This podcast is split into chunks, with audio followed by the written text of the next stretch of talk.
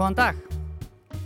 Ég heiti Sunna Valgerðardóttir og séum helstið í dag miðvikudaginn 11. janúar.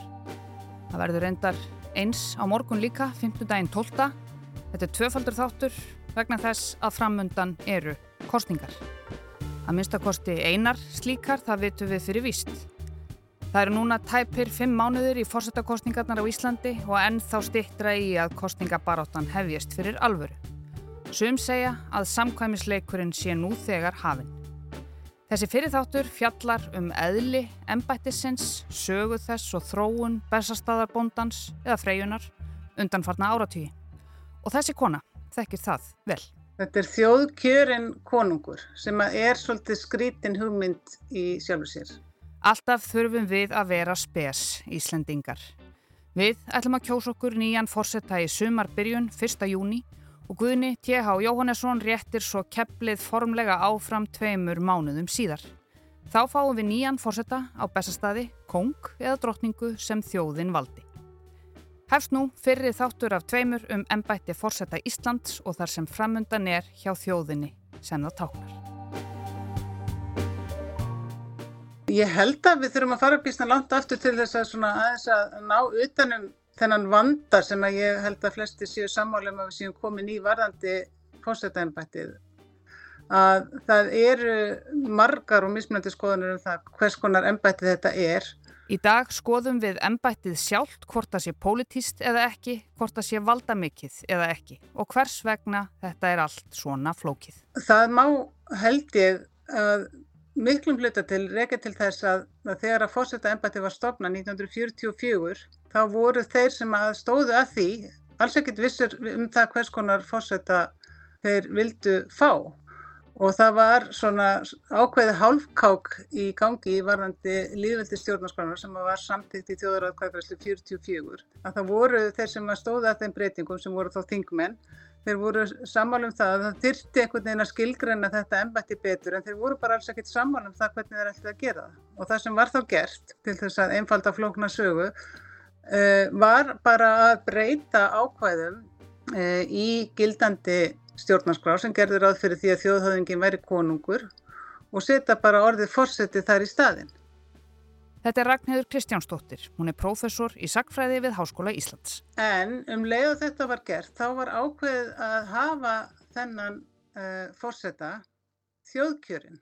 Þetta er einfalt þegar kongur lætur uh, af störfum eða drottning eða deyr þá þarf ekki að hugsa um það hver tekur við en það þarf að, þegar við erum með fórseta þá þarf að ákveða hver tekur við og þá er spurning hvernig sá sem fyrir það ennbætti er kosin.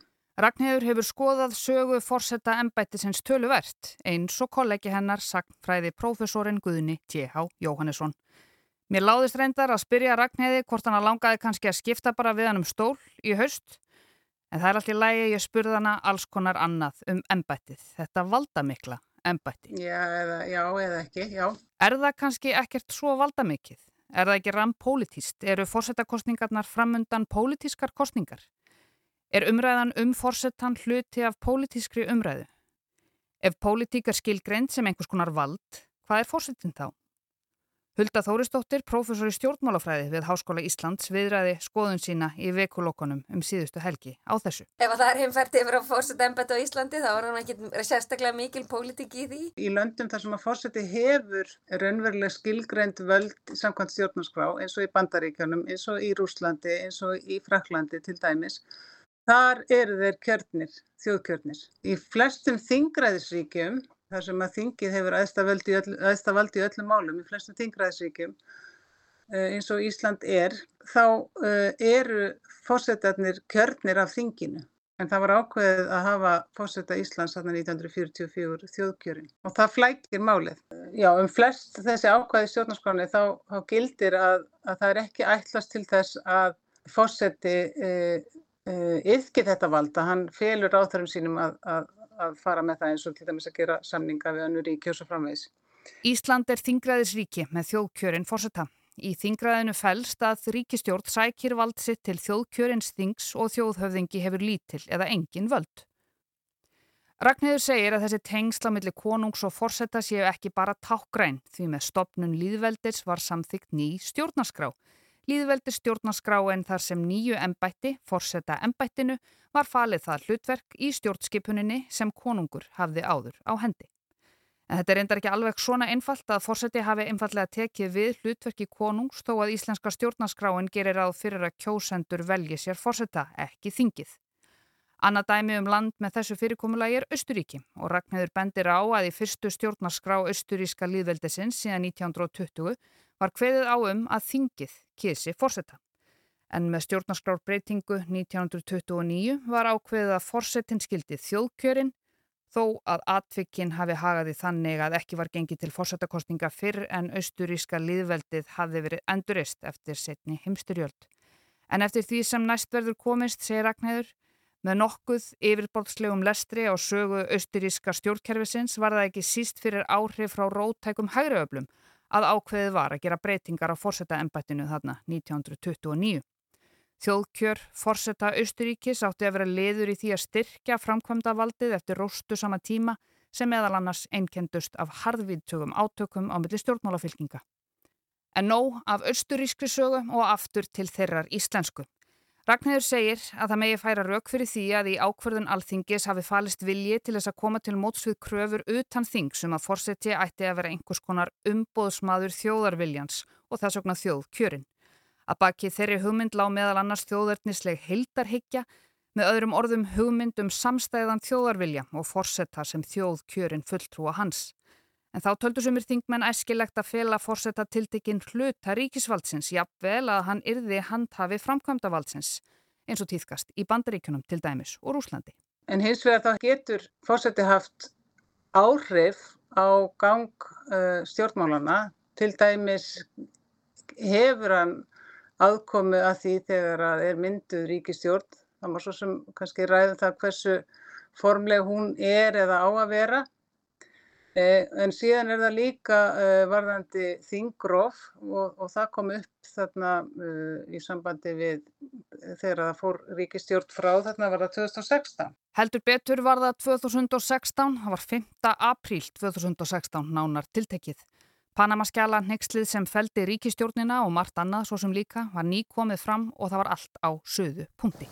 Ég er hindi fórsvöldsráþurar á fundin var að eh, kanna afstöðu mína og óska eftir samþykki við því að ég veitti honum heimild annarkvöld nú þegar eða síðar til þess að, eh, að rjúa þing. Sigmundur Davíð Gunnlaugsson þá fórsetisráð þeirra leitaði til Ólafs Ragnars Grímssonar þá fórseta eftir heimild til að rjúfa þing. Ólaf Ragnar var ekki tilbúin að veita Sigmundur Davíð það að svo stöttu. Sigmundur hafði reyndar ekki rætt þetta við þingflokkin sinn, framsóknarflokkin, en ákvaða að láta á reyna til þess að slá á þrýstingin um að fara frá. Fórsetisráð þeirra gæti ekki fullvisa mig um það hver væri afstafa sjálfstæðiflokksins til þessar til þessara beiðni. Og í ljósi þess þá tjáði ég fórstæðisráður að það að ég væri ekki tilbúin til þess nú eða án þess að hafa rætt að mista kosti við forman sjálfstæðiflokksins eða jafnvel aðra fórustumenn flokka í landinu að veita honum heimil til þess að rjúa þing. Ef maður rennur í gegnum stjórnarskona þá eru ímis ákveðið þar sem að má skilja sem svo að hann hafi völd, mikil völd, að hann skipi ríkistjórn, hann eh, gerir samninga við önnu ríki og svo framvegis. En það stendur jafnframt í stjórnarskráni og, og eru þá leifar frá því að, að konungsvald var orðið mjög veikt þegar við stopnum líðveldi 1944 og breyttum þessum konungsákvæðum í fórsetta ákvæði í stjórnarskráni. Að það stendur jafnframt að fórseti sé ábyrðarlegs á stjórnar aðtöfnum, ef ég mann þetta rétt, og að, hann, að ráð þeirrar framkvæmi vald hans.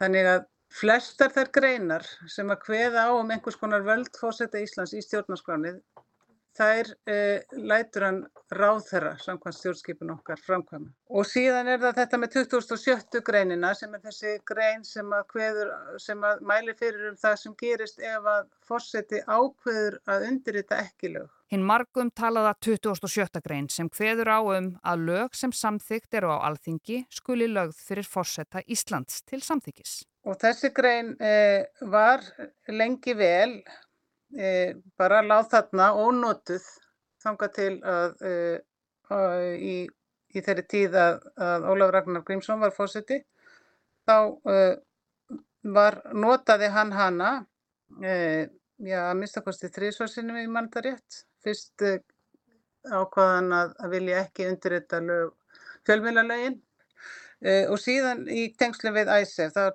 tviðsvarsinni 2010 og 2011 líklega sem að hann ákveður að samþykja ekki frumvarp um ISEF uh, sem að hafi verið samþykt á þinginu. Þannig að, að þar uh, er grein sem að fórseti getur beitt til þess að hafa áhrif á framgang stjórnmálana. Og það er þá spurning hvort að þarna síðan svona, geta verið einhvers konar öryggisvendil þegar það hefur orðið eitthvað, eitthvað slís eða hvort að hann sé þarna bara uh, að framkvama þjóðurviljan. Nú skulum við láta þessum fyrri þætti af tveimur um forsetta embættið á Íslandi lokið. Ég heiti Ragnæður Kristjánsdóttir og ég er professor í Sackfræði við Háskóli Íslands. Á morgun höldum við áfram, færum okkur úr Sackfræðinni inn í samtíman og skoðum hvað er framundan hjá okkur í barátunni. Við Ragnheiður ræðum þá um það sem mörgum finnst þú að löngu tímabær breyting, fjöldi meðmælenda sem forsetta frambjóðendur þurfa að skila inn fyrir kostningar og heyrum líka í áhyggju fullum borgarfulltrúa sem byðlar til fólk sem að sína þessu öllu saman virðingu. Þetta er ekki djók, þetta ennbætti. Sko, ég óttast að það komi ekki fram einhver svona einn sterkur frambjóðandi eins og, eins og Guðni var á sín tíma og svona, og, e, eða svona nokkri sterkir frambjóðandur og við endum með sko fósetta sem að uh, verður kjörinn með 23, 4, 5% fylgi. Mm, mm. Uh, við vorum heppin 1980 að þjóðin samanæðast um vikti sig þegar hún var kosir með 33% atkvæða baka sig en við gætum fengið fósetta sem er miklu pólitískari og væri erfiðara að samanna þjóðinum mm. og það getur haft alls konar aðra hluti í förmessi vantraust milli sko, pólitíkurnar og fósettnæmbættisins og átök jáfnveil þar á milli og, og mismunandi tólkanir á stjórnarskrá og svo framvegis og svo framvegis sko. Ég vona að það komi fram svona sterkir frambjóðundur sem að sko hérna og, svona, og, og vegna þess að ég er svona hófsamur hérna sjálfstæðismæður og hófsamur íhaldsmæður þá vil ég fá svona hófsaman borgarlega þengjandi fórsetta sem að virðir ennbættir. Mér þetta er gaman að sjá konu í ennbættinu núna og vil það allra helst en aðalega vil ég bara vil ég að það sé einhver sem ber virðingu fyrir ennbættinu og þetta sé ekki eitthvað grín. Meira um þetta á morgun. Ég heiti Sunna Valgeðardóttir og hafði umsjón með þetta helst í dag. Takk fyrir að leggja við hlustir og við heyrumst aftur á morgun.